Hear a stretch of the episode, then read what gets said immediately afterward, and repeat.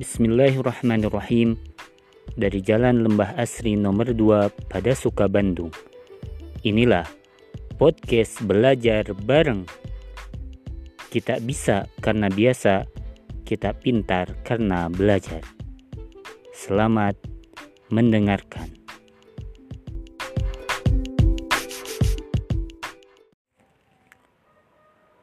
Assalamualaikum warahmatullahi wabarakatuh. Bagaimana kabarnya anak-anak semuanya? Alhamdulillah di episode kedua ini bertemu lagi dengan Pak Tiwan. Kita akan melanjutkan terjemahan tentang doa setelah azan ya. Setelah di pertemuan pertama di episode pertama kemarin kita membahas tentang arti perkata dan perkalimat dari doa setelah azan Nah, insya Allah hari ini atau saat ini Bapak akan sampaikan tentang intisari doa setelah azan. Ya. Baik, seperti biasa Bapak ingatkan, dalam intisari itu yang pokoknya atau yang wajibnya ada tiga ya. Ada dasar, yang pertama, kemudian yang kedua keutamaan, dan yang ketiga adalah tata cara.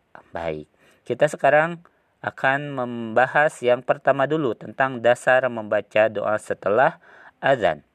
Nah, sebelum kita baca atau kita sampaikan, kita bahas akan kita cari dulu kata-kata kunci ya, kata-kata kunci dari uh, dasar membaca doa setelah azan itu. Kita cari beberapa dua atau tiga ya atau empat kata kunci. Kata kunci pertama dari dasar membaca doa setelah azan adalah anjuran ya. ya. Anjuran ingat ada anjuran. Anjuran. Kemudian yang kedua Rasulullah. Anjuran Rasulullah. Kemudian yang ketiga Imam Bukhari. Yang keempat Imam Baihaqi. Nah, diingat yang empat ini ya kata kuncinya. Anjuran Rasulullah, Imam Bukhari dan Imam Baihaqi. Oke, itu untuk dasar. Oke, kita akan baca sama-sama. Bapak Pandu, silakan kalian mengikuti juga ya. Dasar membaca doa setelah azan adalah anjuran Rasulullah Sallallahu Alaihi Wasallam sebagaimana diriwayatkan Imam Bukhari dan Imam Baihaqi. Ha, baik itu ya tentang dasar membaca doa setelah azan. Ingat kata kuncinya anjuran Rasulullah, Imam Bukhari dan Imam Baihaqi. Baik, sekarang kita lanjut ke intisari yang kedua yaitu tentang keutamaan ya. Keutamaan orang yang menjawab azan dan membaca doanya. Nah, kata kuncinya adalah syafaat dan hari kiamat. Nah, ingat kata kuncinya syafaat dan hari kiamat ya. Syafaat hari kiamat. Kita baca sama-sama ya Bapak Pandu, silakan boleh mengikuti juga atau menyimak Keutamaan orang yang menjawab azan dan membaca doa setelahnya adalah mendapatkan syafaat Rasulullah Sallallahu Alaihi Wasallam kelak di hari kiamat. Nah, baik itu keutamaannya ya. Kita lanjut ke poin yang ketiga yaitu tentang tata cara ya, tentang tata cara menjawab azan. Nah, kita cari dulu kata kuncinya ya.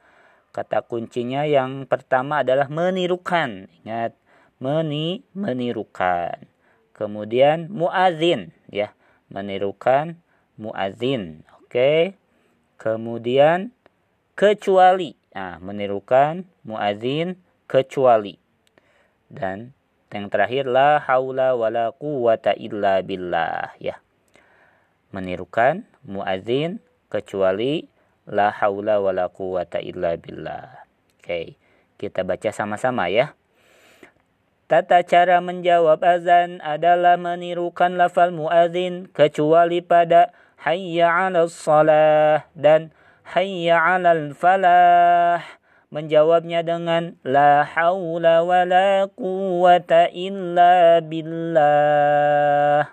Oke, alhamdulillah ya. Itu tadi ya tentang intisari doa setelah azan. Ada dasar membaca, keutamaannya dan tata caranya. Baik, Bapak akan ulangi dari awal ya, dari e, dasar, kemudian keutamaan dan tata caranya secara berurutan. Boleh disimak dan diikuti ya. Bapak Pandu. Dasar membaca doa setelah azan adalah anjuran Rasulullah Sallallahu Alaihi Wasallam sebagaimana diriwayatkan Imam Bukhari dan Imam Baihaqi. Oke. Kemudian yang kedua, keutamaan.